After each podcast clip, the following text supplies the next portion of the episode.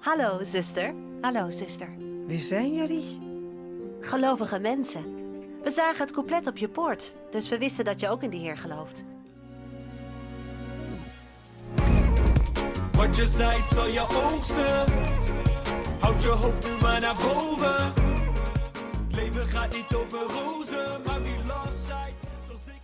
Van week was ik op zoek naar eh, een christelijke film op YouTube om te laten zien aan mijn dochter. En dus typte ik op YouTube de zoekterm christelijke film in. En vervolgens zag ik dat de eerste 15 resultaten allemaal van een YouTube-kanaal waren genaamd De Kerk van de Almachtige God. Nou, in eerste instantie zag dat er wel goed uit. Eh, het leek wel christelijk. Ehm, maar toen ik de filmpjes begon te bekijken, toen viel mij op dat er eigenlijk in al die filmpjes allemaal Chinese mensen zaten. Wat natuurlijk al een beetje atypisch is. Niet dat ik iets tegen Chinese mensen heb, maar het is wat opvallend dat zo'n Nederlands YouTube-kanaal helemaal vol zit met Aziatische mensen. Als je naar de filmpjes kijkt, hebben ze allemaal christelijke titels. eh, en lijkt het er in elk geval heel erg op alsof het gewoon een christelijk kanaal is. Ze doen veel moeite om gewoon op normale christenen te lijken. Vervolgens klikte ik een film aan om eens te kijken wat het is. En in die film, die zo'n 2,5 uur duurt, eh, zie je dat twee leden van de Kerk van de Almachtige God met een hele hoop slechte argumenten eh, gedurende een langere periode twee normale Chinese christenen overtuigen dat ze iets essentieels missen eh, door gewoon hun normale christelijke geloofsbelijdenis aan te houden en dat ze zich eigenlijk zouden moeten aansluiten bij de Kerk van de Almachtige God. Dat is op zich natuurlijk al iets raars, dat deze kerk bezig lijkt te zijn om normale christenen te recruteren om lid te worden van hun beweging. Maar wat is dit voor beweging? Ik besloot om er even wat meer onderzoek naar te gaan doen. En wat blijkt? Dit is dus een vrij nieuwe christelijk-religieuze beweging. En christelijk tussen aanhalingstekens, want er is weinig christelijks aan deze beweging. Eh, deze beweging is rond 1991 in China ontstaan. De eerdere naam was Oosterse bliksem. En de basis voor die naam vinden we in Matthäus 24, vers 27, waar geschreven staat: Want zoals de bliksem vanuit het oosten komt en zichtbaar is tot in het westen, zo zal ook de komst van de zoon des mensen zijn. En deze beweging interpreteert deze woorden van de Heer Jezus als een soort profetie dat zijn wederkomst, zijn tweede komst op aarde, zou plaatsvinden door een soort reïncarnatie in China. Ze geloven dus dat de zoon des mensen, Christus, bij zijn wederkomst in Azië zou terugkeren en vanaf daar via hun beweging een nieuwe boodschap zou gaan verspreiden over het Westen en zo over de rest van de wereld. Ze geloven dan ook dat de wederkomst van Christus al heeft plaatsgevonden door middel van de tweede vleeswording van Christus in een persoon die zij de Almachtige God noemen. Via die zogenaamde Almachtige God is dan een nieuwe openbaring van God gekomen, die geschreven staat in hun boek Het Woord verschijnt in het vlees. Als je wat meer onderzoek doet naar de persoon die zij beschrijven als Almachtige God, dan ontdek je dat zij geloven uh, dat uh, Christus is geïncarneerd voor de tweede keer in een jonge Chinese vrouw genaamd Yang Xiangbing. Dat is een vrouw die zich op 16-jarige leeftijd meldde bij een christelijke huiskerk in China. Uh, in 1989 was dat. En zij begon boodschappen door te geven, zogenaamd van de Heilige Geest. In eerste instantie zagen ze dat nog niet als iets heel bijzonders, maar in 1993 raakte eigenlijk de huiskerkbeweging ervan overtuigd, of een aantal mensen daarbinnen, dat zij de wedergekomen Jezus moest zijn, uh, de geïncarneerde God, de enige waarachtige God. Dit is dus een beweging die nog geen 30 jaar oud is en uh, die zichzelf christelijk noemt, terwijl er eigenlijk helemaal niks christelijks aan deze beweging is. Het is een valse secte. Nou, wat opvallend is, is dat deze beweging nooit haar naam noemt en nooit transparant is over het feit dat ze dus een hele hoop van hun geloofsovertuigingen baseren op de zogenaamde profetieën van een vrouw genaamd Yang Xianbin. Ze willen jou doen geloven dat dit gewoon een andere christelijke kerk is, zodat jij je zal gaan aansluiten bij hun beweging. En dat zijn ze niet. Ze zijn niet transparant over hun eigen geschiedenis. Wanneer ze verwijzen naar haar geschriften, dan hebben ze het alleen maar over de openbaring van de Almachtige God. In het heden wordt deze beweging geleid door een man genaamd Zhao Wijshan. En die noemen zij ook wel de man die gebruikt wordt door de Heilige Geest en die ze zien als het hoogste gezag in hun beweging. Ze zijn extreem actief met nieuwe ledenwerven, bijvoorbeeld via YouTube. Er zijn talloze Nederlandstalige video's ook in omloop. En de nietsvermoedende christen die gewoon op zoek is naar een christelijke film snel op hun YouTube-kanaal. Deze mensen zijn bewust bezig om op een geniepige wijze binnen te sluipen in christelijke gemeenten en leden te werven voor hun eigen secte. En ze langzaam uit normale, orthodoxe, authentieke christelijke gemeente weg te trekken. Dit zijn mensen met talloze afwijkingen in de leer. Als je de leer van deze gemeente bestudeert, dan ontdek je dat zij leren dat er een tijdperk is geweest van de wet. Vervolgens een tijdperk van de genade. Dat is dan het tijdperk van de Heer Jezus Christus, zijn apostelen en de christelijke kerk. Maar dat met het begin van hun beweging er een nieuw tijdperk is aangebroken. En dat is het tijdperk van het koninkrijk der laatste dagen. Ze geloven dan ook dat de Bijbel wel boodschappen bevat van God en enkele waarheidsgetrouwe inzichten bevat die nuttig zijn om Gods werk in het tijdperk van de wet en het tijdperk van de genade te kennen.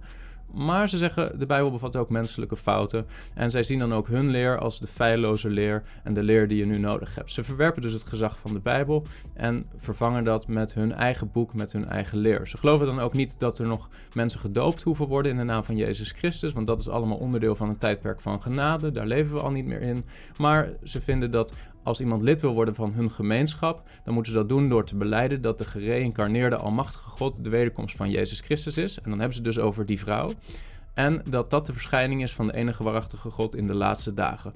En iemand moet bereid zijn om te bidden in de naam van de Almachtige God dus letterlijk almachtige God. Iemand moet bereid zijn om te beleiden dat Jezus is wedergekomen in die persoon, in die vrouw. En moet in staat zijn om de overtuigingen van de kerk van de almachtige God te begrijpen en te accepteren. Dit is ketterij, dit is dwaalleer, dit is geen christelijke beweging, dit is een secte. Ze vinden de Bijbel niet relevant. We moeten de openbaring van een Chinese vrouw volgen, want zij is immers de wederkomst van Christus. En dan heb je naïeve christenen die dit soort dingen horen en die dan vragen: maar wat als ze nou gelijk hebben? Lieve broeder, lieve zuster, dit heeft niks meer te maken met het christelijk geloof. Er is geen enkele basis in Gods woord om te denken dat Christus opnieuw zal incarneren, vlees zal worden in een Chinese vrouw. Als je dit soort dingen wilt geloven, dan ben je een hele makkelijke prooi voor dwaalleraren wat je sowieso aan het denken zou moeten zetten, is waarom is deze beweging vooral bezig om christenen te recruteren tot volgelingen van hun bewegingen? Ze zijn niet zozeer bezig met nieuwe discipelen maken van uh, atheïsten of seculiere mensen. Nee, ze richten zich bijna exclusief op mensen die nu christenen zijn, om die te recruteren tot volgelingen van hun valse profetes en hun beweging. Ze proberen binnen te kruipen in de gemeente, maar ze veranderen het evangelie. Paulus heeft ons gewaarschuwd voor dit soort mensen. In Galaten hoofdstuk 1, vers 6 tot 9 zegt hij heel stellig: Ik verwonder mij erover dat u zich zo snel afwendt van hem die u in de genade van Christus geroepen heeft, naar een ander evangelie, terwijl er geen ander is. Al zijn er sommigen die u in verwarring brengen en het evangelie van Christus willen verdraaien, maar zelfs als wij of een engel uit de hemel u een evangelie zouden verkondigen anders dan wat wij u verkondigd hebben, die zij vervloekt. Vers 9, zoals wij al eerder gezegd hebben, zo zeg ik ook nu weer: als iemand u een evangelie verkondigt anders dan wat u ontvangen hebt, die zij vervloekt. Deze beweging heeft de vloek die Paulus hier uitspreekt over zichzelf afgeroepen door het evangelie van Jezus Christus terzijde te schuiven en te vervangen met hun eigen boodschap, hun eigen evangelie. En dat is geen evangelie. Wees voorzichtig met dit soort bewegingen. Judas schrijft in zijn brief in vers 3 en 4: Geliefde, toen ik mij er met alle inzet toe zette u te schrijven over de gemeenschappelijke zaligheid, werd ik genoodzaakt u te schrijven met, de aansporing om te strijden voor het geloof dat eenmaal aan de heiligen overgeleverd is. Want er zijn sommige mensen binnengeslopen die tot dit oordeel al lang tevoren opgeschreven zijn, goddelozen die de genade van onze God veranderen in losbandigheid en die de enige heerser God en onze Heer Jezus Christus verlogenen. Dit zijn deze mensen. Dit zijn mensen die Jezus als Heer verwerpen, die het gezag van het woord van God terzijde schuiven, die Christus logenen. Als jouw beweging leert dat Christus opnieuw is gekomen en is geïncarneerd opnieuw in een nieuw lichaam en wel dat van een jonge Chinese vrouw, dan ben je een leugenaar, dan ben je een valse profeet en dat mag duidelijk zijn voor iedereen. Maar dat vertellen ze je niet aan het begin, dat leer je pas als ze je al langzaam wat hebben binnengetrokken in hun valse beweging. Judas schrijft over dit soort mensen in vers 13. Ze zijn wilde golven van de zee die hun eigen schandaden opschuimen. Het zijn dwaalsterren voor wie de diepste duisternis tot in eeuwigheid bewaard wordt. Het zijn dwaalsterren. Ze proberen even wat licht te laten zien, maar de mensen die hun volgen zullen al snel ontdekken dat het vallende sterren zijn die snel verdwijnen en uiteindelijk belanden in de diepste duisternis waar ze tot in eeuwigheid bewaard worden. En als jij deze mensen volgt, dan is dat jouw bestemming. Dan zeg je misschien, broeder Chris, maar hoe zit het dan met die bliksemschicht? Hoe zit het met dat vers wat ze aanhalen in Matthäus 24, vers 27, over een bliksem die vanuit het oosten komt en zichtbaar is tot in het westen? Nou, het grappige is, als je de context leest, dan zie je dat dat vers precies het tegenovergestelde zegt van wat zij zeggen dat het zegt. Er staat in vers 23 in de context: Als iemand dan tegen u zegt: Zie, hier is de Christus of daar, geloof het niet, want er zullen valse Christussen en valse profeten opstaan. En zij zullen grote tekenen en wonderen doen, zodat zij, als het mogelijk zou zijn, ook de uitverkorenen zouden misleiden. Zie, ik heb het u van tevoren gezegd. Jezus waarschuwt voor deze valse christenen en valse profeten. Vers 26, als men dan tegen u zal zeggen, zie, hij is in de woestijn, ga er niet op uit, zie, hij is in de binnenkamers, geloof het niet. Want zoals de bliksem vanuit de oosten komt en zichtbaar is tot in het westen, zo zal ook de komst van de Zoon des Mensen zijn. Wat wil Jezus hiermee zeggen? Hij wil hiermee zeggen dat zijn wederkomst niet op een geheimzinnige manier zal gebeuren, doordat er bijvoorbeeld een of andere Chinese vrouw de wederkomst van Christus blijkt te zijn, maar dat wanneer Jezus terugkomt, het voor iedereen duidelijk zal zijn. Er is niet een soort verborgen wederkomst van Christus die we zouden kunnen missen. Zijn komst zal zijn als het bliksem aan de hemel die zichtbaar is voor iedereen. Hij komt niet op een verborgen, geheimzinnige manier terug. Het opvallende is dat er heel veel van dit soort Aziatische secten zijn. Er zijn ook een hele hoop uit Zuid-Korea die langzaam voet aan de grond proberen te krijgen in Nederland en naïeve christenen achter zich aan proberen te trekken. Een goed voorbeeld is bijvoorbeeld de Shincheonji-kerk van Jezus Christus.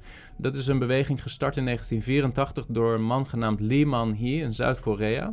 Die zegt dat hij de Messias is en leden van deze beweging geloven dat hij nooit zal sterven en dat hij de enige is die bijvoorbeeld het boek Openbaring en de Bijbel kan uitleggen. Als je dit soort bewegingen volgt, dan ben je onderweg naar de diepste duisternis. Deze mensen trekken je weg van het ware evangelie van Jezus Christus. Een andere Aziatische beweging is de zogenaamde World Mission Society Church of God. Dat is een beweging die in 1964 begon in Zuid-Korea.